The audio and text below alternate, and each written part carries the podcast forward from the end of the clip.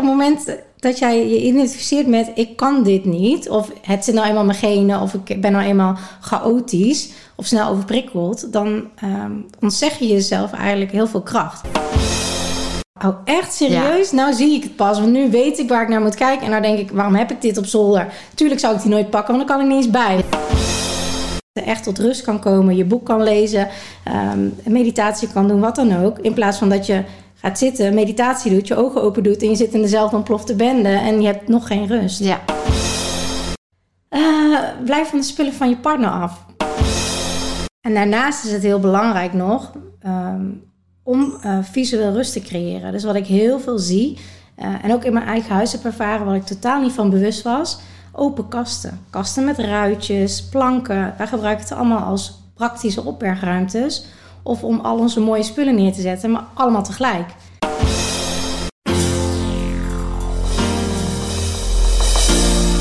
Welkom. Dit is de podcast To Master Your Life nummer 198. Minimaliseer je huis, maximaliseer je leven. Een dieptegesprek met Suzanne van Schijndel. Mijn naam is Vilna van Betten en ik heb er super veel zin in.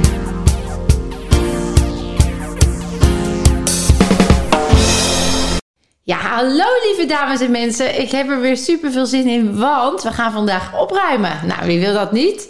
Opruimen met de minimaliseercoach. Suzanne van Schijndel, ze is bij mij geweest en uh, heeft daar ongelooflijk intern veel opgeruimd. En opruimen is ook een thema waarvan ze zegt dat is niet alleen intern, uh, ook extern is opruimen heel belangrijk. En het een beïnvloedt het ander en andersom. Dus voor blijvende rust in hoofd en in huis en in je lichaam, uh, ja, is het heel goed om op te ruimen. Nou, en daar gaan we het vandaag over hebben, Suzanne.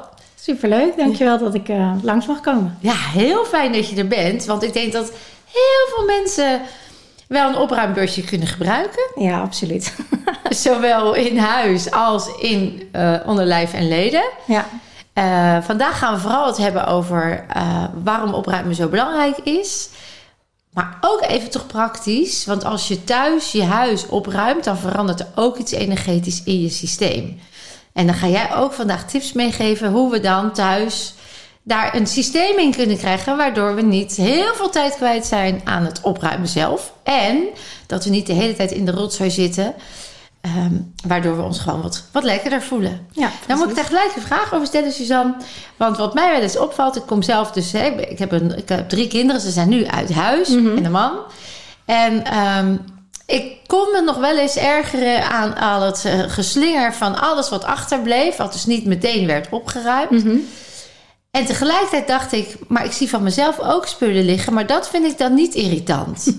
Herken je dat? Ja, ja, ja, dat herken ik wel. Want ik kom natuurlijk uh, uh, niet alleen maar van een geweldig huis. Want dat denken heel vaak mensen. Oh, bij jou zou het altijd helemaal strak zijn en helemaal fijn. Nee, niet. Ik kom van heel veel spullen af.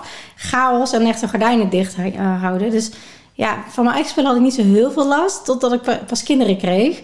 En dat ik echt helemaal gek werd van de spullen. Maar nog niet zozeer van mijn spullen. Maar ik dacht vaak, het ligt aan mijn kinderen, het ligt aan mijn man. Iedereen maakt rommel. Maar ja, inderdaad, net wat jij zegt. Als je echt goed intuned, dat ligt heel veel van jou zelf. Precies. Ja, precies. En, en, dan klopt het dus dat we vaak willen ontkennen of niet zien.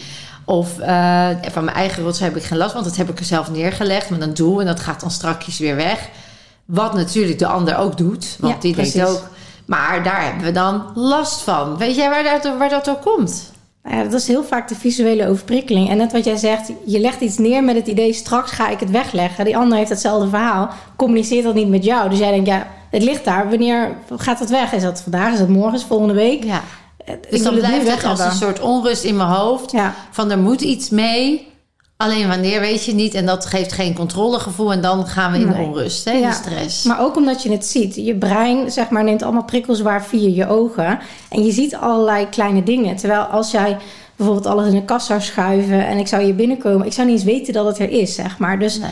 mijn brein denkt dan, oh, er ligt niks. Terwijl als je het ziet, dan neemt je brein het waar. En dat geeft ook die overprikkeling in je brein. Ja, alle prikkels is... Elke prikkel is er één. Ook van spullen. Ja. Okay, even terug naar Suzanne. Want je zei, ik kom uit een, uit, een, uit een plek waar ik het liefst heel veel spullen in mijn huis, donker. Uh, dat is nu dus wel anders sinds je kinderen hebt.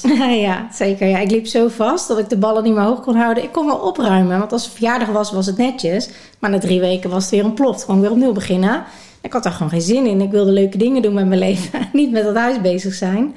Uh, maar totdat ik kleine kinderen kreeg en elke keer weer opnieuw werd het rommelig. En ik dacht, ja, wat lukt het mij nou niet? Nou ja, bij mijn thuis, bij mijn ouders waren er ook altijd heel veel spullen. Uh, bij mijn oma, bij mijn tantes. Dus ik dacht, het zit in de genen. Ik ben een rommelkont. Ik heb een chaotisch brein. Dat zal het allemaal wel zijn. Dus dan identificeer je eigenlijk met iets wat helemaal niet zo is. Ik deed aan rommel, hè? Ja, ja. in jouw termen te spreken. Maar um, ja, toen ben ik echt gaan zoeken van... ja, het zal allemaal wel... misschien hoort het wel bij mij... maar ik wil het gewoon echt anders. Het moet anders. En toen kwam net Marie Kondo denk ik een beetje op. En toen dacht ik, nou, dit, dit gaat mij helpen. Ja, want Marie Kondo, dus. even voor de mensen die haar niet kennen... die heeft een serie op Netflix of Videoland, ja. zoiets. Netflix volgens mij. En die leerde mensen een systeem aan hoe je kon opruimen. En dat deed ze ook nog op een manier dat het... dus je met liefde met de spullen sprak en ook met liefde de spullen wegdeed. Ja, het was voornamelijk ook minimaliseren, dus minder ja. spullen. En toen waren er alleen nog maar boeken. En toen dacht ik, nou ja, dit gaat mij helpen om van mijn rommel af te komen. Oh ja, je had haar boek, je had nog niet haar serie nee, gezien. Nee, maar ja. toen dacht ik, nou ja, het ligt dus aan... ik moet gewoon spullen wegdoen. Nou ja, simpel hè, te veel spullen, wil meer ruimte, spullen wegdoen. Maar dat lukte mij niet. Ik had heel veel haakjes aan alle spullen, herinneringen. Een idee van, ja, maar dit ga ik ooit nog wel een keer gebruiken. Of uh, ja, als de kinderen groot zijn, heb ik weer tijd voor mezelf. Kan ik die hobby's weer oppakken? Of uh, hier heb ik geld voor betaald. Dus ja, zonde om zomaar weg te doen. Nou ja, en als je dat bij elk item doet, en heel vaak, ja, dan gebeurt er niks. Dan ben je eigenlijk ook attached. Heel erg. Je bent attached dat is aan spullen. Ja, ja. Je bent attached aan gewoontes. Je bent attached aan fijne gevoelens. Ja, precies. En voor je het weet is er niets wat je loslaat. En dus geen ruimte meer. Nee. En gaan we nog in alle hoekjes en gaatjes wat vol proppen. En op een gegeven moment is dat dus dan vol. Ja, want het was echt een stuk bewustwording van... ja, maar ik ben zoveel aan het opruimen. En toen dacht ik later, toen ik me er bewust van werd, van werd wat ik aan het doen was... je bent al aan het opruimen, maar eigenlijk ben je spullen van A naar B... in het verplaatsen in je huis. Ja. En elk jaar komen er weer meer spullen bij... door een verjaardag, feestdagen. Uh, vooral als je kleine kinderen hebt, dan komt er sowieso meer je huis in. Maar als je er nooit iets wegdoet... dan kan het niet anders dan dat je huis uh, vastloopt. En die spullen die toenamen, was dat dan ook een soort koop zucht? Of uh, had nee. je dan de behoefte om spullen te verzamelen? Want die heb je ook, de hoorders. Nee, dat was ik niet. Nee. Ik was geen hoorder. Maar ik vond wel heel veel dingen leuk. Ja, ja. En kocht dan ook spullen dubbel als je het even niet kon ja, vinden? Zeker. Ja, Ja, ik had heel vaak dat ik dacht, ja, waar ligt mijn schaar? Geen idee. En het grappige was, toen ik ging minimaliseren, toen kwam ik er gewoon acht tegen. Wow. Die had ik gewoon ergens in mijn huis. Maar ik wist gewoon niet waar. waar. Nee. Nee, en dat gebeurt met heel veel spullen. En je denkt vaak dingen nodig te hebben. Ja. Dat is natuurlijk ook heel goed vanuit de marketing, hè, vanuit de bedrijven. Ja. Maar je hebt eigenlijk in de basis als mens maar heel weinig nodig. Ja. Wat hebben we als, ba als basis nodig? Nou ja, iets om aan te trekken. Dat is wel zo handig. Ja, wat kleding. ja, uh, ergens, iets om van te eten. Uh, ergens om op te zitten en op te slapen. En als je dat echt in de kern kijkt, dat is echt wat je nodig hebt. En dat zijn dan de basisbehoeften. Dat zijn echt de basisbehoeftes. Nou, dan komen de comfortdingen, zeg maar. Hè. Um, zelfs monniken hebben vaak drie van die gewaden. Eentje om aan te trekken, één die in de was is en één als reserve. Nou, dat is eigenlijk uh, wel nodig. Maar alles wat daar bovenop komt, is comfort. En ik ben geen echte minimalist in de, in de zin van... oh ja, je mag nog maar één bord per persoon en één kopje. Nee, als je tien uh, theepotten wil bewaren, helemaal prima. Maar zorg wel dat het voor je werkt. En... Uh, uiteindelijk hebben we zoveel geminimaliseerd dat we in een tiny house konden wonen. Um, met z'n vieren. Dus met ons gezin van uh, 27 vierkante meter. Omdat wij dachten, wij willen gewoon nu financiële vrijheid. Dat kan door een tiny house te kopen. Dus toen moest ik wel next level gaan minimaliseren. Ja, want dan heb je ook geen garage. Of heb je dan nog wel iets van een opslag? Ja, ja een schuurtje nog wel. Schuurtje, ja. maar je, die had dus geen opslag? Als een opslag? Nee. Nee, geen je hebt gewoon nee. spullen allemaal weggedaan, geminimaliseerd. Het brood hoognodige bewaard. Ja, en nog veel meer eigenlijk. Er past heel veel in. Ja, toch nog ja, wel? Ja, maar het gaat om goed gebruik maken van de ruimtes. Ruimtes. En daarvoor afgaande zijn we denk ik anderhalf jaar daarvoor op wereldreis geweest. Um, vijf maanden lang met alleen handbagage. Ja, toen hebben we gewoon gemerkt, we hebben bijna niks nodig. En uh, ik sprak toen met mijn man, zeiden we als we zouden gaan emigreren, wat missen we nou eigenlijk? En eigenlijk waren maar echt de herinneringen dingen, zoals bepaalde foto's, bepaalde dingen, maar vrij weinig. Ja. En in uh, Japan zijn we ook geweest. ja, toen zagen we dat ze echt konden toveren met elke vierkante centimeter. En dat heeft ervoor gezorgd dat we uiteindelijk ook naar een tiny house gingen met nog wat heftige gebeurtenissen tussendoor. Ehm, waardoor die drang om vrij te zijn groter was dan spullen vast te houden. Wat goed. En toen zat je in een tiny house met een schuurtje. Ja. En daar, dat ging prima Ja. met, met z'n viertjes. Eh, je, hebt, je hebt elkaar. Ik zeg, een huis is een thuis met mensen erin. Hè, dat, eh, en als Ja, er liefde precies. is.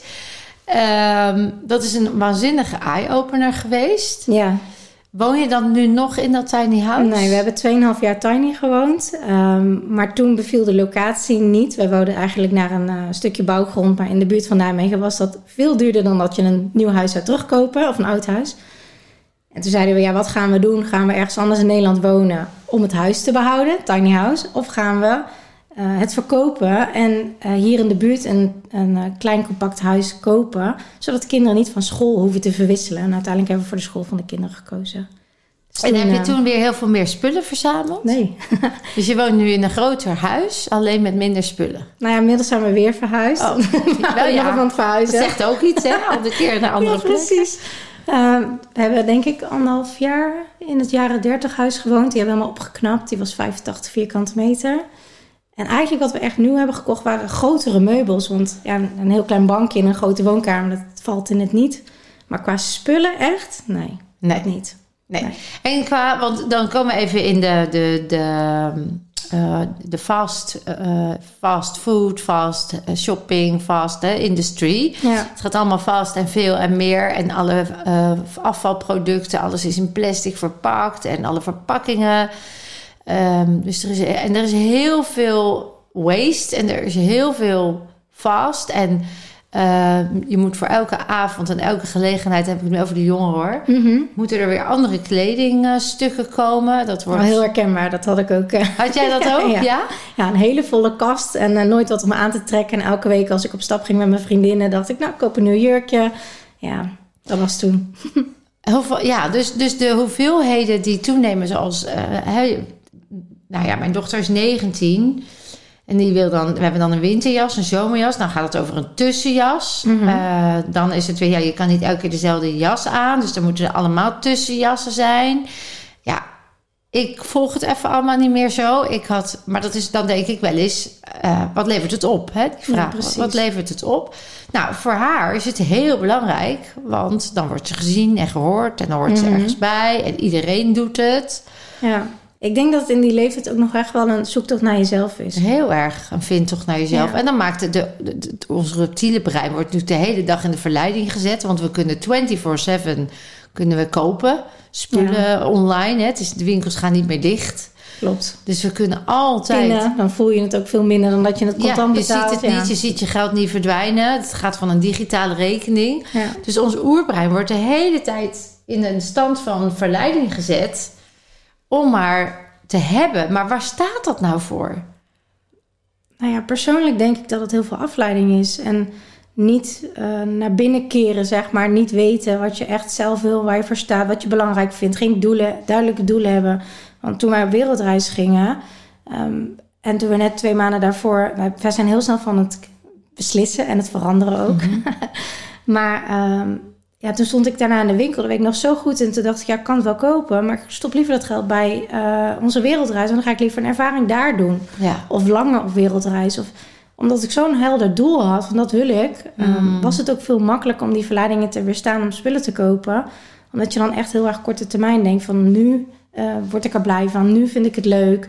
Eh, nu heb ik het gevoel dat ik niet genoeg heb, maar is dat echt wel waar? En ik merkte dat mijn spullen mij heel erg van mijn persoonlijke ontwikkeling afhielden. Want ik had gewoon geen tijd om over mezelf na te denken, want er was altijd wel wat te doen. Of ik was zwaar overprikkeld door de rommel omheen. ja, dat is mooi gezegd. Ik denk dat daar de essentie ook zit. Ja, ja, ja. ja daarom, daarom deel ik ook wat ik doe. Want voor mij was het eigenlijk persoonlijke reis. Totdat heel veel mensen gingen vragen... hoe ben je op wereldreis met alleen handbagage gegaan? Met kinderen ook. Ja. Hoe heb je dat gedaan? Hoe ben je naar een tiny house gegaan? Hoe heb je al die spullen losgelaten? Ja, toen ging ik mijn methodes delen. Want Mariconde liep ik helaas op vast. Ik kon niet loslaten. Dus ik heb het heel erg gezocht in... eh, hoe werkt de overprikkeling? Hoe werkt je brein? Hoe leer je loslaten? Wat zit erachter? Ehm hoe bepaal je doelen? Hoe omzeil je uitstelgedrag? Maar allemaal dingen waar ik zelf tegenaan liep. Dus ik ging mijn methodes delen met anderen. En die hadden binnen no time resultaat. En toen kreeg ik zoveel vragen. Toen dacht ik, ja, er zijn heel veel mensen die dit verstoppen. Want bij een verjaardag zie je niet of iemand drie dagen bezig geweest is met opruimen of niet. Ehm, maar er worden echt levens in belemmerd daardoor. Ja, oké, dus ik hoor een aantal patronen. Ik hoor enerzijds de vaardigheid het opruimen zelf. En dat is vaak ook een conditionering van wat je meekrijgt van je ouders en je voorbeeldgedrag. Uh, en, en of je daar aandacht aan geeft. Kan je opruimen? Dat is wel één. Dat is ook wel interessant. Wat ligt daar voor behoefte achter? Twee. Uh, als je het niet opruimt, maar voor gelegenheden wel. Wat zegt dat over jou? Hè? Daar zit dus ook een patroon in. Maar ik hoor ook dus dat het een manier is van vluchten. Het overcompenseren met spullen. Dat houdt eigenlijk de persoonlijke groei tegen. En het voelen wat er daadwerkelijk achter zit. Dus het is net als een verslaving eigenlijk. Spullen. Ja, onbewust misschien. Onbewust, net als roken. Hè, een stuk van verstoppen is. Of, uh, um, en al die patronen samen. En het, en het uh, minimaliseren uh, als uitdaging zien. Want dan hoor je misschien nergens meer bij. Of dan heb ik niet zo'n dure uh, jas of een, duur, of een groot of veel. En dan word ik dat nog wel leuk gevonden. Dus als ik het zo samenvat, dan hebben al die, die, die strategieën hebben eigenlijk onderliggend een emotionele behoefte. Ja, uiteindelijk wel. Uiteindelijk wel, hè? Ja, zeker. En dat maakt het ook wel heel lastig om eraan te beginnen. Want ik dacht, ik ben rommelig. Voor, hè, voor lastig. Ja, ja. dat is waar, ja. Uitdagend. Een uitdagende missie is het. Een uitdagende missie. Want weet je wat het is? Op het moment dat jij je identificeert met... ik kan dit niet. Of het zit nou eenmaal mijn genen. Of ik ben nou eenmaal chaotisch of snel overprikkeld, dan um, ontzeg je jezelf eigenlijk heel veel kracht. Heel veel potentie. Ook. Terwijl ik er nu achter ben gekomen dat het niet zo is, want anders had ik zelf niet kunnen bereiken wat ik in mijn eigen huis heb uh, gecreëerd. Een blijvende rust, dat is al heel wat. maar um, het gaat echt om skills leren. En ik vergelijk het nu met zwemmen. Ik bedoel, als jij een kind van drie naast een zwembad ziet, zeg je toch ook niet waarom kan je niet zwemmen? Precies. Maar dat moet hij leren. En dit is hetzelfde. Je moet het leren. De mindset vragen stellen. Het gaat, ik zeg altijd, een rommelig huis ligt nooit aan de persoon, maar echt aan de mindset en de tools die je toepast. En, dat, en die kun je ja, leren. En de aangeleerde gedragingen, de onderliggende behoeften. Ja, precies. En daar kun je op, ook op opruimen. Hè? Ja. En je kunt ook vaardigheden leren. Want dan kun je ook weer. Oh, zo, soms als je het in één keer ziet, denk je, ja, dat maar geweten veel Oh ja, heel vaak krijg ik dat van mijn klanten te horen van... oh, echt serieus? Ja. Nou zie ik het pas, want nu weet ik waar ik naar moet kijken. En dan denk ik, waarom heb ik dit op zolder? Tuurlijk zou ik die nooit pakken, want dan kan ik niet eens bij. Ja. Weet je, dat soort dingen. En ik, ik merk gewoon heel erg dat, dat mensen zich niet bewust zijn. En um, ook wel eens het heel onnatuurlijk voelen. Want dan zeggen ze, ja, ik heb zoveel vrije tijd nu. Wat moet ik eigenlijk met mijn tijd gaan doen? Heb ik nooit gehad, jarenlang niet. Ja, en dan moet je wel naar binnen. Dan ga je, ja. ja en, en die ook niet andere kant is weer, als je te overgeorganiseerd bent, de controle, hè, dan is dat, zegt dat weer alles over de behoefte aan enorme controle. Ja, maar weet je, de vraag is hoeveel moeite moet je ervoor doen om het uh, op orde te kunnen houden? Als dat zo'n dagtaak wordt, omdat je alles controleert, heel veel bezig bent, daar, is, daar haal je zoveel van uit je leven weg. Nou, ik bedoel meer bijvoorbeeld, ik ken iemand die... Uh, als ik daar op visite ben en ik wil helpen afruimen, dan mag dat niet. Want oh, zo, bepaalde, ja, bepaalde want dan moet dat, op een bepaalde manier. Ja. Het moet ook op een manier in de vaatwasser en zo. Want Ja. anders dan uh, is er kortsluiting. Mhm. Ja, dat is natuurlijk weer, de over, dat is weer te uh, overcompenserend. Diegene kan anders niet overzien. Die heeft anders geen controle. Die durft niks los te laten. Dat is ook weer belemmerend.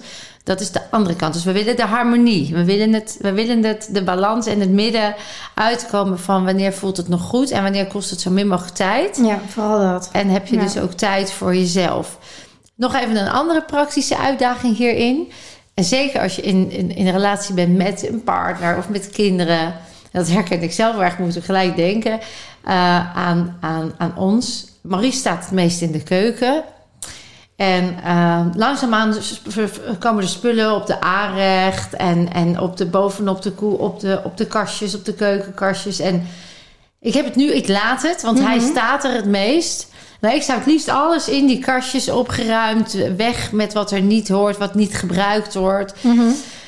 Ja, dat zegt natuurlijk dan weer alles over mij. Ik heb dus inmiddels geleerd om dat los te laten. Tegelijkertijd zijn dat voor mij wel prikkels. Ja. Ja. Zeker. Ik merk dat bij mijn man ook. Die, uh, nou, doe niet nadelen van Maurice, hè, want ik geef even nu ja, alsof ja. Maurice van Rommel komt. Dat is die helemaal niet, mensen. Echt niet. Maar hij heeft gewoon een ander systeem. Ja. Hij, heeft daar geen last van, want hij, hij gebruikt het misschien dagelijks. Of hij, hij ziet het niet. Ik weet niet hoe het werkt. Ja, maar ik denk dat er ook wel een verschil is tussen mannen en vrouwen. Vrouwen zijn heel erg op de details vaak. En mannen zijn meer voor het overzicht. En denk, ja, waar maak je je druk om zeggen? Ik zie het niet eens eens. En mijn man bijvoorbeeld met zijn afwas. De afwas en de was blijft eeuwig terugkomen. Ook heb je geminimaliseerd, ook al heb je systemen.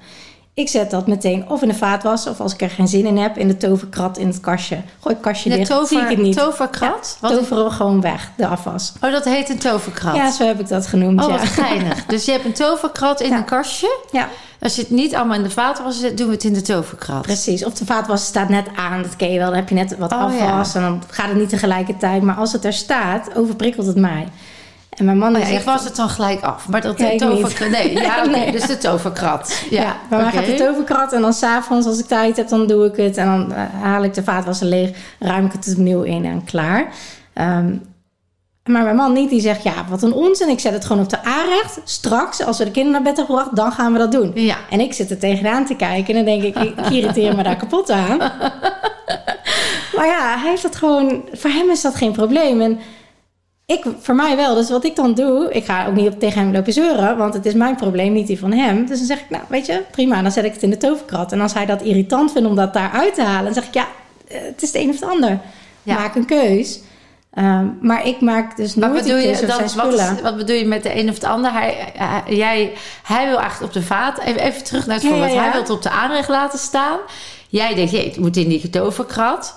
Ehm, dat is nou eenmaal de plek waar het hoort. Dat heb jij dan bedacht, niet hij. Dus hij zegt, nee joh, laat het staan. Want zodra die vaatwasser leeg is, dan ruim ik het uit. En dan pak ik dat van de, Ja. van de aanrecht af. Dan zeg jij, nee, ik ga toch die toverkrat doen.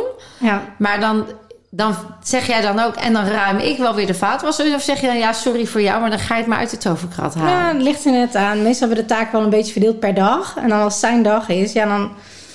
Of ik laat het staan en denk, oké, het is zijn dag. Maar op mijn dag, dan gaat het echt gewoon meteen in die krat. Ja, ja, want dat vind ik dan een goed compromis. Op jouw dag doe je wat jij wil, Ja. op mijn dag gaat het de krat in. We hebben datzelfde met eh, sleutels. We hebben een sleutelbakje. Mhm. En alles zit in die sleutel. De, alle, alle sleutels zitten in de sleutel. Kinderen ook weer binnenkomen, hup, in dat sleutelbakje. Maar wie doet dat niet? Maurice, die heeft hem naast de trap. En dan, daar hoort het niet, hè? Dat, dat is niet het sleutelbakje.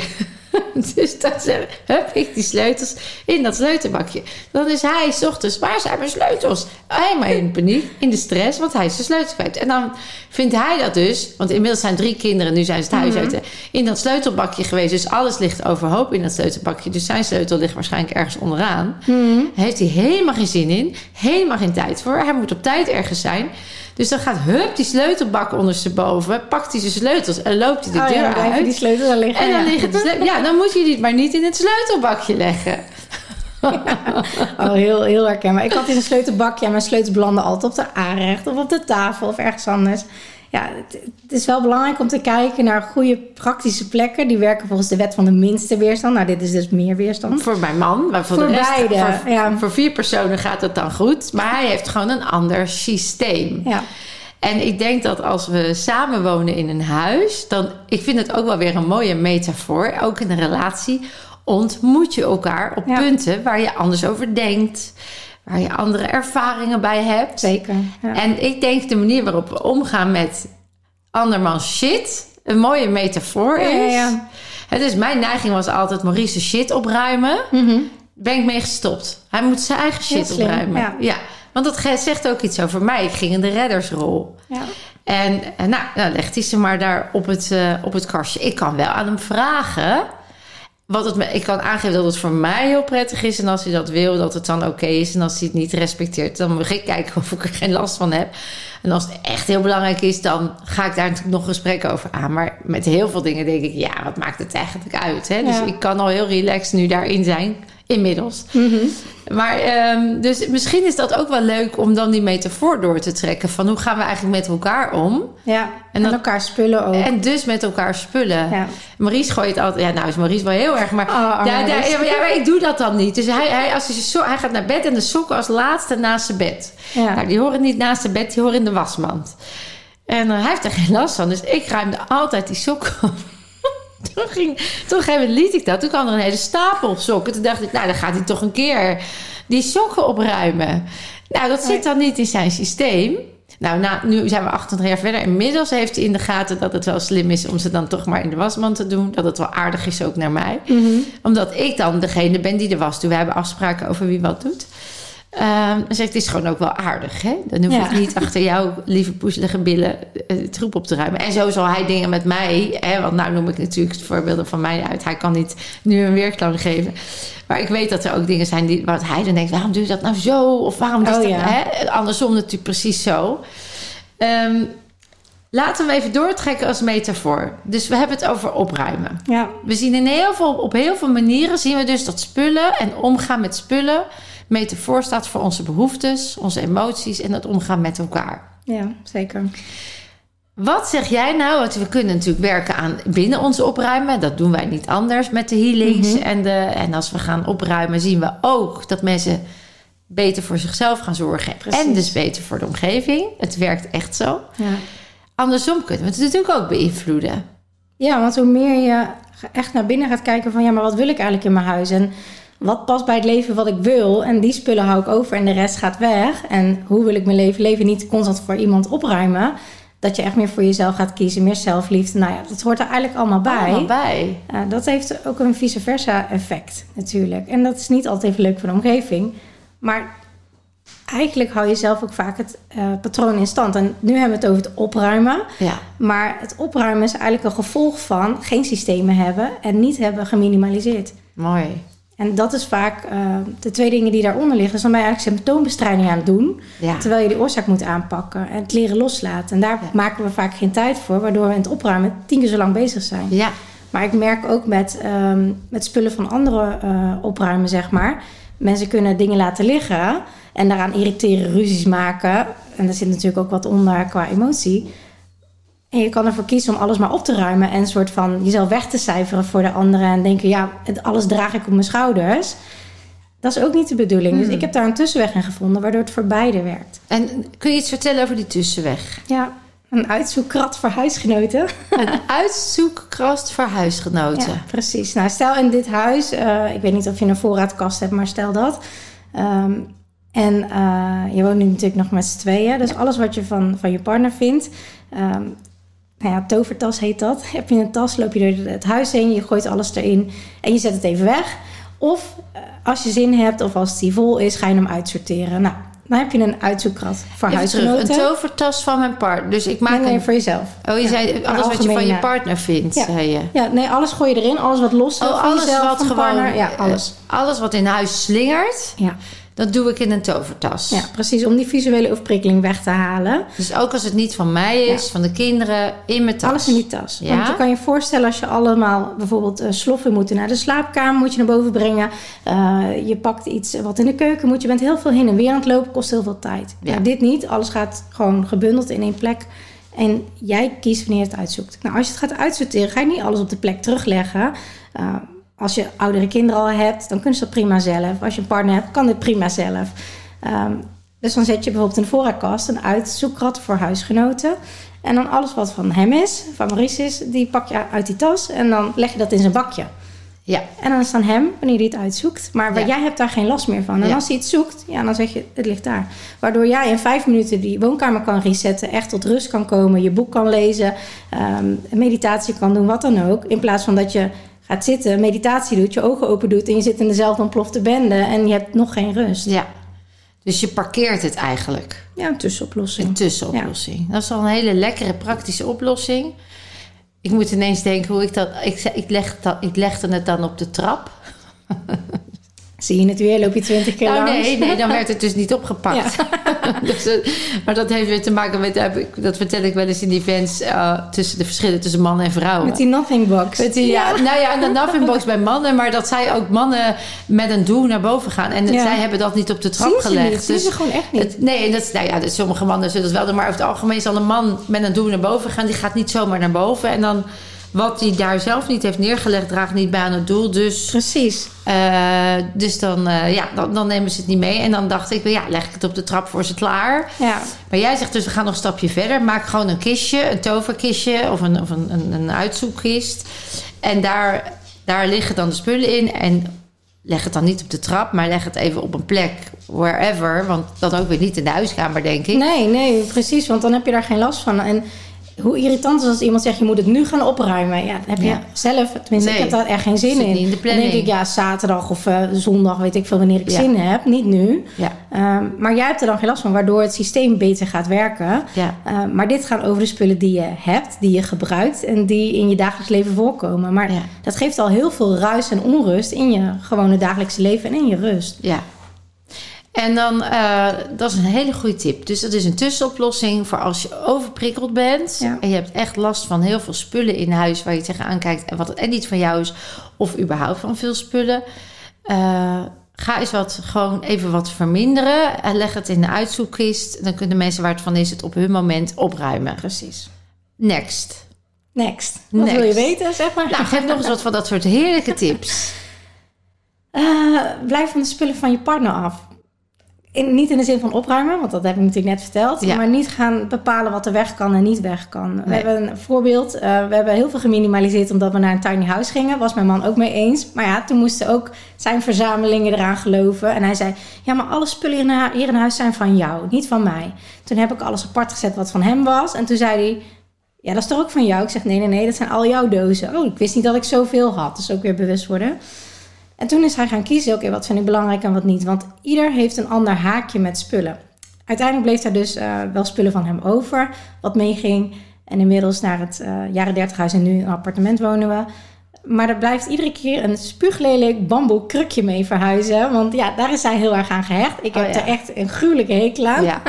ja. Maar ja, ik kan niet voor hem bepalen dat dat weg moet. Want Nee. voor hem heeft dat een hele andere lading dan voor mij. Je, Mhm. je gaat er herinneringen aan hangen, haakjes aan hangen. Ehm, dus voor iemand heeft dat een persoonlijke waarde. En wat ik heel vaak zie is ook bij kinderen... dat kinderen bang zijn dat ouders opruimen... want dadelijk gaan alle knuffels weg. Terwijl je denkt, wat moeten ze met dat ding? Maar voor hun is dat heel belangrijk. Dus blijf echt van die spullen af. Laat ze dat zelf doen. Ja, oké. Mits ze dus dan niet het doen. Dan moet je ergens ook weer, als het niet past, als het weer te veel blijft, Ja, dan hè, stel dat we 100 knuffels hebben. Nou, dan ga je natuurlijk het gesprekje aan. Maar heb je wel echt 100 knuffels nodig? Ja, ik heb ze alle 100 nodig. Allemaal even leuk. Met allemaal hebben ze eigen verhaaltje. Eh, en die vraag stel ik al niet. dus wat stel veel je dan moeilijk. wel? Uh, ik begrens het heel erg. Dan zeg ik bijvoorbeeld, oké, uh, waar zullen we de knuffels neerzetten? Ik heb ook twee jonge kinderen. En dan zeg ik, nou, zullen we ze hier op de plank neerzetten of in een mand? Ja, leuk, daar wil ik ze hebben. Ik zeg, nou, hier passen er tien op. Welke zijn de alle tien leukste? Ja. En dan ga je heel anders kijken naar welke Ja. vind ik leuk, welke wil ik houden. Uh, ja, en dan blijven er een paar over. En dan zeg ik, nou, je mag die houden, geen probleem. Maar dan gaat er wel hier eentje van weg. En dan voelen ze heel snel, welke vind ik belangrijker dan niet. Want Ja. als je zegt, welke Mooi. moet er weg, dat zien ze niet. Want Nee. ook op vakantie, uh, welk speelgoed wil je meenemen? Dan komen ze met zo'n teddybeer van een meter groot aan. Ze hebben niet het inzicht dat dat niet in een koffer past. Totdat ze het gaan proberen in een koffer te passen. En dan zien ze dat niet past. Ja. En dan kunnen ze zelf heel goed keuzes maken. Ja. Dus eigenlijk zeg je begrens het Ja. en daarbinnen laat je ze de keuzevrijheid. Ja. Hè? Dat, dat vind ik een hele goeie. En dan eh, kunnen ze zelf kiezen. Wat ik dan deed, is ook dat wat over was in een vuilniszak. En dat zette ik tijdelijk op zolder. Ja, slim. En dan hadden ze nog een soort, ge- geen stress dat het weg weg was. Ja. Maar dan maakte een soort afspraak van als het dan zo lang niet gebruikt wordt of zo, dan, dan gaan we het weggeven aan een goed doel. Of dan gaan we andere kindjes er blij mee maken. Of waardoor je ook nog leert dat, hè, dat je het kan delen, dat anderen plezier van kunnen hebben. Dus het hoeft niet weg weg, want dat, dat kan nog een stap soms. Ja, ja, maar dat hoeft ook niet meteen, hè? want dat is vaak te lastig. Ehm, het mag best wel daar twee weken, drie weken staan, Ja. vier weken, maar ook daar zet daar een Ja, deadline, op. Want anders dan heb je het over drie jaar nog op zolder Precies, staan. en maak inderdaad een afspraak van als het Ja. zo lang, hè, dan, hebben we, het- dan is het, hebben we het niet nodig. En dan is het voor nu ook niet belangrijk. En dan kunnen we het delen en dan kunnen andere kinderen er blij mee maken. Ja, of als tussenstap nog het eerst nog, stel dat er 30 zijn, 10 kunnen er in de kamer. Uh, 10 gaan er even tijdelijk van, misschien gaan ze weg. En 10 als een soort van rouleerplek die dan gerouleerd kan worden met Precies, beneden. En uiteindelijk ga je dat steeds meer filteren. En hoe jonger je kinderen zijn, hoe fijner. Want Ja. je moet het eerst zelf leren voordat je het kan doorgeven. Ja. Maar dan is het voor hun ook makkelijker om het in stand te houden. Ook als mijn kinderen nu naar de winkel gaan, dan zeggen ze: Ja, mama, mag dit hebben? Ik zeg: Ik vind het helemaal prima, maar dan gaat er thuis wel iets weg. ja. En wat vind je dan belangrijker? En zo leren ze zelf wel, wat vind ik zelf belangrijker? Nou, goed hoor. Dat is En- een hele goede afbakening. Dus wanneer, als ze daar iets willen verkopen, prima. Wat, wat, wat gaat er dan weg? Ja, precies. Ja, en als ze dan zeggen niks, dan zeg je, nou, dan kopen we het niet. Ja, dat laat ik ze zelf kiezen. Ja. Dan komen ze zelf eigenlijk al tot de conclusie. Ja. En mijn dochter is dan zo geheid. Die zegt, mama, ik wil eigenlijk twee dingen. Ga ik ook twee dingen wegdoen? Nou ja, oké. ja. ja. En En dat dan, natuurlijk aan wat. Ja. Maar, ehm, Ja, heel goed. En, en ik denk ook wat, wat, eh, wat, wat ik zelf ook misschien, maar dat is, eh, even checken of dat ook klopt bij de filosofie. Maar als ze dus toch, jij hebt dus ook zo'n moment gehad dat je dacht, jeetje, want de kinderen krijgen ook cadeautjes. En hmm. er komen ook spullen van, van, van vriendinnetjes, vriendjes en dingen die zijpelen naar binnen. Hè. Voor je het weet ja, heb je weer Zeker. vier, vijf puzzels erbij, of noem het maar. Eh, is een, ik deed dus de garage sale. Dus dan eh, een beetje Amerikaans. Maar Ja, dan, ja. ging ik buiten, stalden we alles uit. En dan mocht de hele buurt mocht komen halen. Ja, ja. Of als ze dan wilden, als het echt ze nog heel erg, dan mochten ze er centjes voor vragen. Maar meestal gaven we Mhm. ook gewoon weg. Eh, dat gaf ook heel veel voldoening. Hè? ja, Dan we- zeker. dus dat is ook een leuke, hè? Dat je zegt, Ja. kom, we gaan met z'n allen. Spullen verkopen werkt vaak heel erg motiverend. Ja. Ja, ja, soms doe ik wel eens als ze eh, iets willen verkopen en staat op Marktplaats en het wordt niet verkocht. Eh, dan breng ik het naar de kringloop en dan geef ik ze zelf geld. Zeg nou, het wordt niet verkocht, maar dan krijg je van papa mama centjes. oh ja. Om dat, dat te stimuleren van, ja, weet je. Het is ook goed om Eh, los te laten. Ja, precies. En je merkt gewoon, daardoor wordt het, hun kamers nooit overvol. Wat bij mij altijd al het geval was. Ja. Eh, omdat ze een bepaald systeem gaan creëren en dat ook in stand houden. Ja. Bijvoorbeeld een koffer die je meeneemt op vakantie. Je kan die koffer tien keer meenemen met tien keer andere spullen. Maar meer dan die koffer kan je niet meenemen.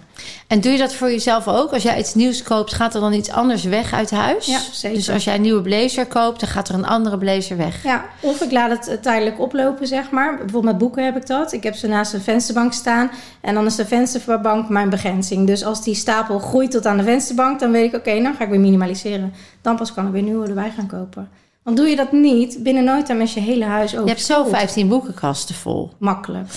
Nou, vind Maar ik lees je boeken wel. nog? Oh ja, ik lees ze heel. Ja, nou ja, dat zeg jij wat. Ik ben echt een boekenworm. En, en met name zelf ontwikkelboek. Daar ben ik, Ik ook. als, als ik het. Ja, Die koop ik nog steeds heel veel. toch? Ja, als ik attachment heb, dan zit het ook wel in die boeken, denk ik. Ik lees ze dus ook niet graag uit, want dat is al een paar keer gebleken. Dan komen ze niet terug. En ik heb echt. Ik haal zoveel uit die boeken. Ik, ik lees ze ook heel vaak terug en ik maak Maar aantekeningen. dan is het goed. Dan is het goed, want dan gebruik je ze. Kijk, en soms Ja. gebruiken mensen boeken als decoratie. Dat vinden ze gewoon mooi, een boekenkast of twee of drie of een hele wand. Maar dan heb je er een functie aan gehangen. Ja. En als jij eh, boeken houdt omdat je ze eh, mooi vindt, dan is decoratie. Hou je, hou je ze omdat je ze nog een keer gaat lezen, dan is het ook prima. Maar heb je ze gelezen en ga je ze nooit meer lezen, dan veranderen ze automatisch in decoratie. En is dat wat jij wil? Ja. Ik vind het ook wel grappig. We hadden, ik, heb toen onze kinderen het huis uitgingen, toen, ik kreeg meteen opruimwoede.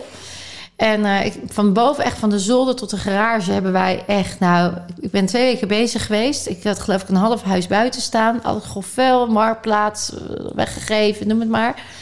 En ehm, ik, kan, ik kan van mezelf zeggen, ik kan heel makkelijk wegdoen. Mhm. Daar ben ik heel blij mee. Dat heb ik ook mezelf aan moeten leren. Ehm, wat grappige was, we hadden dus in de garage, om dan een voorbeeld te noemen, hadden we een tent en een, eh, en een eh, zo'n zo'n matje. Maar wij, wij, wij kramperen nooit. Nee, dat ik vind ik niet. dus kramperen. Ik vind het ook niet leuk. Ja, het eerste ding, maar ik, ik, het is niet mijn ding. Mhm. En ehm, dus dat lag daar. Dat was meer toen de kinderen klein waren. Dan sliepen ze wel in een tentje in, in, Ja. in de tuin of eh, gingen wel eens natuurlijk wat. Maar dat werd eigenlijk al, al zeker 10, 15 jaar niet gebruikt. Dus ik had dat bij, ik had dat weggegeven of weggedaan of Mhm. ik weet niet meer. Dus echt prompt een week later komt mijn dochter, die inmiddels de ontgroening had gehad in de studententijd. En die gingen dus met het club, weet ik veel. Mam, mag ik de tent en het matje? En toen dacht ik, dit zou zo'n moment geweest kunnen zijn. Dat ik dan inderdaad had gezegd, ja, misschien voor later ooit. Hè? Dat Ja. is dan zo voor. Het zal dus ook wel eens gebeuren dat je iets wegdoet. Waar je achteraf toch van zegt, ja, had ik het nou maar bewaard. Ja, precies. Oh, dat heb ik ook wel gehad hoor. Toch? Ja, ja. Ik heb dat met mijn blender gehad. En ik dacht, ja, ik, maak, ik gebruik dat bijna niet. Maar toen dat ik ging in tiny house wonen, en toen had ik heel veel tijd. En toen dacht ik, nou, dan kan ik weer lekker smoothies maken. Ik had geen blender meer. Ik denk, oh ja, hoe gaan we dat nou doen? Maar toen heb ik een nieuwe blender teruggekocht, maar wel een compactere. Want eigenlijk was die ander veel te groot. Dus dan upgrade je je spullen eigenlijk. Oh ja. Maar wat is er nou erg aan dat je één item terugkoopt, zeg maar. Vaak ook nog iets anders. Eh, ten opzichte van alle 999 spullen die je weg hebt Ja. gedaan. In plaats van alle duizend spullen vasthouden. Want stel dat ooit. Ja. Nee. En hoe denk jij, hoe komt het, denk jij, dat we. ehm dan heb ik een hele grote reset aan mijn huis gegeven. De kinderen had huis, hele andere omstandigheden. Ze kunnen ook heel veel spullen konden weg. De kinderen in een nieuwe huis hoefden ook een oude spullen soms niet meer. Die wilden ook weer iets vers en fris en fruitigs. Eh, dus ze hebben allemaal aan goede doelen gegeven, enzovoort, enzovoort. Dat hebben ze allemaal helemaal zelf geregeld. Dat was supergoed. En eh, ik zou nu wel weer zo'n reset kunnen doen in mijn huis. En dan heb ik niet het idee dat ik heel veel spullen ehm, verzamel. En toch sluipt het erin. En ik heb ook niet het idee dat ik heel veel koop. Maar dan denk ik toch... Dat is interessant, want het kan te maken hebben met dat je die grote reset hebt gedaan. En dat je hebt ervaren hoe dat voelt. Waardoor je nu weer een laag dieper gaat. Een soort ui die je afbelt. Dat je meer gaat zien.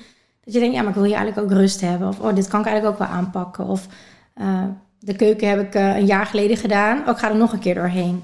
Ik merk nu dat ik dingen niet heb gebruikt. Ja, dat is een goede vraag. Want het is wel... ehm, Want als jij niks hebt gekocht en niemand heeft jouw spullen gegeven, is er niet meer in je huis. Nou, er zullen ongetwijfeld ook wel spulletjes gekocht en gegeven zijn. Dat denk ik wel.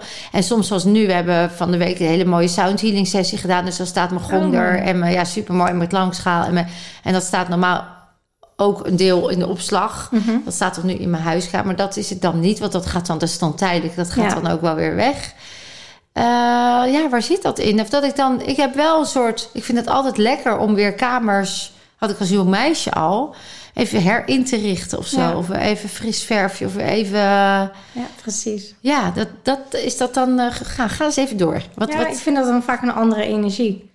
oké. Vaak ehm, als je net de bank wat anders zet of net een ander kleurtje. Ik denk ook dat het te maken kan hebben met dat de kinderen nu het huis uit zijn. Ja. Nieuwe fase. En nieuwe, Nieuwe fase, heb je toch fase. alweer gauw iets. Net als dat je dat lente wordt. Dat je denkt, oh, ik zou de ramen maar eens poetsen. Terwijl in de winter denk ik, ja, doei. Ga ik echt niet doen. Heb ik helemaal geen zin in. Nee. Maar je hebt gewoon andere energie die je dan eh, hebt op dat moment, denk ik. Ja, ik denk dat dat het is. Je gaat het weer aanpassen aan de energie en de fase wat op dat moment Ja. in je leven handig, nuttig en nodig is. En niks is blijvend, vind ik. Nee. Want zeg maar, de oceaan staat ook niet stil met eb en vloed. Zo werkt het in je huis ook. En Ja. waar je nu interesse in het ene hebt, kan misschien over een jaar helemaal anders zijn. Of- Ja, het klopt. Maar waar ik wel weerstand tegen heb, en dat is, dat is dus ook iets in mij, is Mhm. dat ik dan eh, het huis opgeknapt of wat dan ook, en dan koop ik een leuke lamp of wat dan ook. Ik kan het dan niet over mijn hart verkrijgen als het tien jaar later of vijf jaar later andere mode is of zo, en die lamp is nog niet eh, Mhm.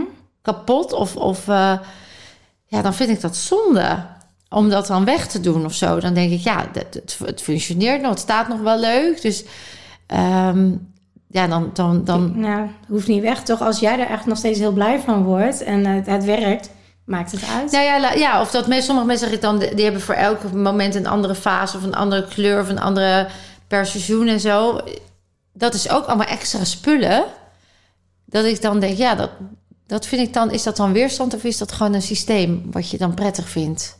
Nee, ik denk als je dat prettig vindt, dan is het goed, zolang het maar voor je werkt en niet tegen je werkt. Ja, nee, dat ik. werkt niet tegen me. Maar als mensen bijvoorbeeld, stel dat je die lamp op zolder zou bewaren, omdat je het zonde vindt om weg te doen, maar eigenlijk niet meer gebruikt. Nee, dan gaat hij wel naar Marktplaats Ja, of naar... precies. Ja, ja, ja. Nee, maar dat, is wat heel ja. vaak mensen niet doen.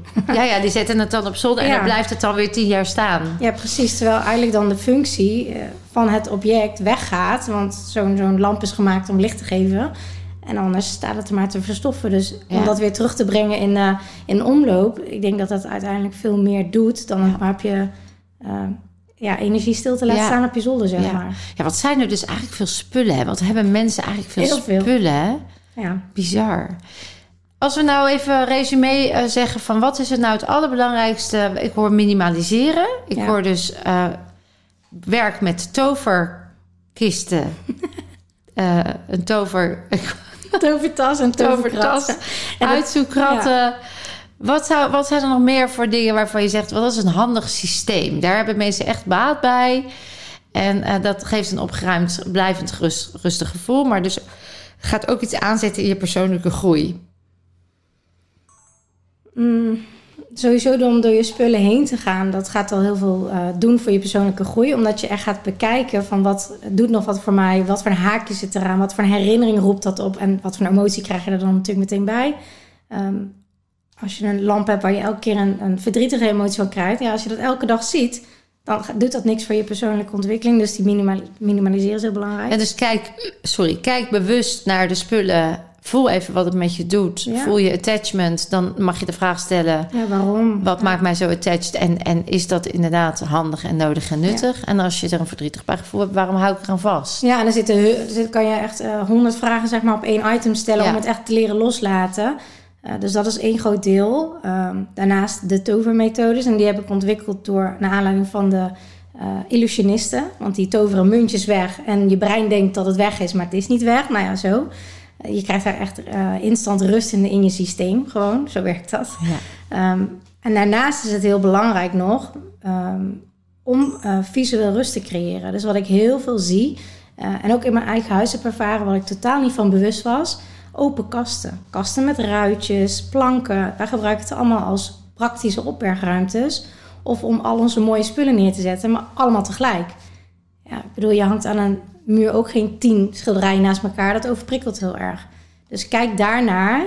Wat staat bij mij in het zicht en wat doet dat voor mij? Hmm. En dat maakt dat je meer rust krijgt. Dus ook meer rust in je systeem, waardoor je meer in je zelfontwikkeling kan. Heb je ook nog dat alle... Hangt in jouw kast alles op kleur? En sokken bij sokken, onderbroeken bij onderbroeken, broeken bij broeken, shirts bij shirts? Het laatste wel, het Ja. eerste niet. Nee, niet op Nee, kleur. niet op kleur. Kunnen sommige mensen ook heerlijk vinden. Ja, En, nee, ik eh, doe liever iets anders met mijn Ja. tijd. En heb jij, precies. En heb je ook nog eh, voor alles een vaste plek? Ja, uiteindelijk wel, nu. Ehm, maar voor iedereen is een vaste plek op een andere plek. Ja, dat zijn met die sleutels. Ja, hè? precies. Dus dat is Ja. ook weer een uitdaging. Ja, want ik kan een sleutelbakje bij de voordeur. Want dat had ik ergens gelezen. Moet je sleutels, hè, als je die kwijt bent. Was ik altijd kwijt. Ehm, maar ik gooi ze op de keuken of op de aanrecht. Oh ja. Weet je, en ik dacht, hoe kan dat nou? Maar ik kwam vaak via de achterdeur binnen. Dus dat heeft helemaal geen zin Dan om moet je er bij logische de plek bij de voordeur hangen. Ja, En zo is het in elk huis, voor elk eh, gezin, zeg maar, of partner, of als je alleen woont, anders. Want de looproutes zijn anders. Als je make-up eh, opdoet, zou je denken, oké, in de badkamer. Maar heel veel mensen doen dat beneden in de gang.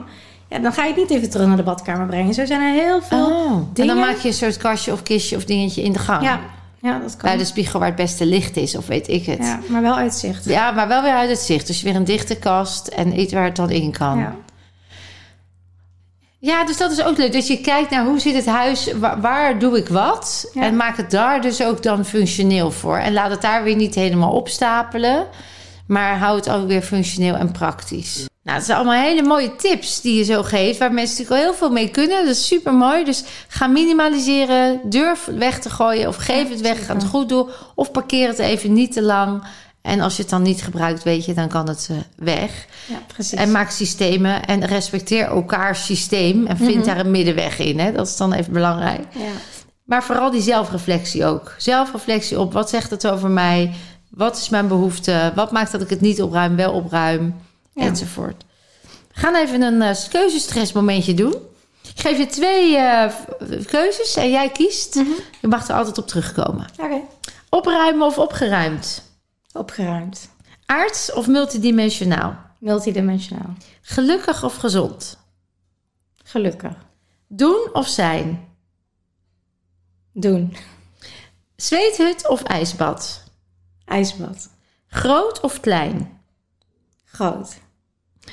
Westers leven of oosters leven? Oosters leven. Zelfbewust of ego? Zelfbewust. Geloven of zien? Geloven. Puur natuur of natuurlijk? Is dat hetzelfde? Voor de een wel, voor de ander niet. Ehm, natuurlijk. Meditatie of in de natuur zijn? Meditatie. Volg je dromen of succes is een keuze? Volg je dromen. Links of rechts? Rechts. Toeval of manifestatie? Manifestatie. Ja of nee? Ja. Is er nog iets waar je op terug wil komen? Nee. Nee, het was heel duidelijk. Gewoon goed kiezen. Heb je ook geleerd, hè? Met opruimen. Ja, ja. Kiezen en door. Als ik jou nu nog zou kunnen... Jij bent al prachtig eh, langs geweest. Je hebt een reset ondergaan. En je, het heeft zoveel met je gedaan. Dat het natuurlijk fantastisch... Wat heeft het, met je, wat heeft het je opgeleverd, de reset? Ja, veel. Veel inzicht ook vooral. Ja. En eh, veranderingen in patronen. Ja, Echt heel, veel. Echt heel gaaf. ja, In de weekend, hè, was je? ja, moet je nagaan. In een weekend al. Eh, als ik je nu opnieuw, hè, want opruimen doen we ook weer even opnieuw herbezinnen, nieuwe fases, nieuwe situaties. Af en toe een resetje. Waar zou je nu op dit moment het meest baat bij hebben om op te resetten? Dat je, nou, als dat toch even weer opgeruimd is van binnen, dan zou dat misschien daar nog een meer kwaliteit geven. Ehm, nog meer mijn dromen durven volgen. Oké. Ja. Nog meer je dromen durven Ja. volgen. Wat maakt dat je het nog niet... ja, ik weet heel goed wat ik wil en waar ik heen wil. Ehm, maar dan komen de aardse zaken natuurlijk om de hoek kijken. Hoe ga je dat dan voor elkaar eh, krijgen? En dan dat hoofd. Zorg wel dat de dromen een beetje getemperd worden. Het hoofd met alle belemmeringen en ideeën die dat mogelijk Ja. saboteren, bedoel je? Precies, ja. En wat zegt het over jou dat je jezelf zo saboteert in het volgen van je dromen? Ik moet wel om lachen, want ik zie het nu. Ik zie het gebeuren. Dus ik ben nu, het is toevallig nu iets als een droomhuis op ons pad gekomen. Ehm, en er zitten heel veel haakjes aan. En dus daar ben ik nu echt mee aan het onderzoeken. Wat kan allemaal wel? Dus elke keer als ik daarin val, van dat ik denk, ja, dit kan niet, dit wordt lastig en dit wordt moeilijk. Dan moet ik lachen, want dan denk ik, ah, we zijn weer bezig. En dan kan ik het weer shiften. Dus Maar je herkent het al. meer. Maar de Ja. vraag is ook, wat zegt het over jou dat je dus jezelf nog saboteert in het nastreven van je dromen? Ja, ehm, ja, toch het volledig durven te vertrouwen dat het goed komt, denk ik. Dus vertrouwen, de basis. eh, De vertrouwen dat het goed komt. En wat komt dan goed? Ehm, dat het gaat zoals ik heb bedacht. Ah, maar dan zitten we in een paradox. Controle. Dat wat jij hebt bedacht is ook degene die jou saboteert. Ja, Dus dat hoofd zit dan in de weg. ja, precies. Oké, wat zegt het over jou dat je het hoofd nog nodig denkt te hebben? Ja, de praktijk, helaas. De praktijk? ja, financiële middelen en hoe ga je maar dat dan doen en dat soort dingen. En wat als je dat loslaat? Als je dat eens opruimt? Ja, dan geeft dat veel meer vrijheid. Ja, maar Wat- toch dat stukje niet durven vertrouwen dat het echt goed komt, dat zit er dan gewoon. Ja, wat is dan goed? Wat is goed? Wanneer is het dan goed gekomen? Is het dan niet goed? Wanneer is het niet goed? Ja, dat, dat mag er nog meer inslijpen. Want ergens weet ik, ook al zou het niet doorgaan, dan is het nog steeds goed. Want dan was het niet eh, het De moment. bedoeling? Of niet de bedoeling of niet het pad. Maar soms zit ik er een beetje in tweestrijd tussen gevoel en hoofd. En eh, Vandaar dus ook dat jij dit werk doet. Ja. Hè? Want dat geeft jou uit je hoofd, in je lijf. Dat is Precies. dus eigenlijk jouw weg eigenlijk. ja, En dus meer in flow zijn. ja, Nog meer kunnen loslaten. ja, precies. Maar dan intern. Want extern heb ik alles losgelaten wat ik los kon laten. Ja. Ehm, en als we daar wel heen gaan verhuizen, dan laat ik denk ik heel veel los. Want dan gaat er echt heel weinig mee. Wordt, Maar- het nog, wordt het nog minder? Ja, nou ja, niet minder, maar anders. Ja. Ik ben niet gehecht aan de spullen die ik nu heb. Oh zo, dan wordt het weer anders. Ja, En dan eh, het loslaten intern. Het is bijna, het is wel grappig, want als je dus extern alles zo goed loslaat, is dat bijna ook weer een strategie geworden om niet naar intern loslaten te hoeven.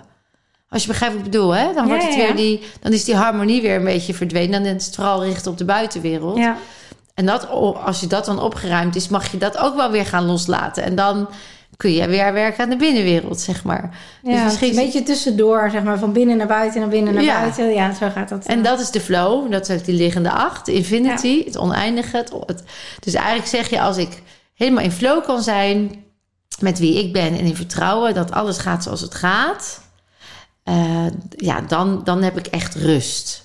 Ja, Dat is dan nog jouw next level. ja. Maar het grappige was, na het weekend ben ik nog een keer naar een van jouw coaches geweest. Ja? Dat ik dacht, er zit nog iets. Ja? Eh, maar ik wist niet wat. En pas tijdens die BMS'en kwam ik pas achter wat er was. Dus ja, ik denk dat je nooit daarmee klaar bent. Zeker niet. En daarom Nee. doen we ook weer, zeggen we ook net als het opruimen. Je komt in nieuwe fases, nieuwe laagjes. Precies. En het is altijd een spiegel. Dus ook jij hebt weer een leuke uitdaging eh, om op te resetten. Nou, Ja, leuk. ja. Gaan we vast een keertje doen. En als laatste zou ik je willen vragen... wat zou jij de kijker of luisteraar mee willen geven aan inspiratie of wijsheid? Nou ja, sowieso dat eh, een rommelig huis nooit aan de persoon ligt, maar echt aan de mindset en de tools die je toepast. En dat iedereen dat kan leren. Dus eh, op het moment dat je dat leert, dan krijg je zoveel meer energie terug, zoveel meer tijd terug, zoveel meer plek om mooie momenten te creëren. Want daar gaat het uiteindelijk om.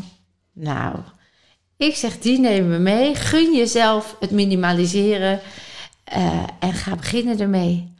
Ik wil je heel erg bedanken, Suzanne. We kunnen jou bevinden bij de Minimaliseercoach. Dus Klopt. wil je daar begeleiding bij, zoek dan vooral Suzanne ook even op. En dan wil ik je onwijs bedanken voor al je mooie tips en die heerlijke mooie inzichten.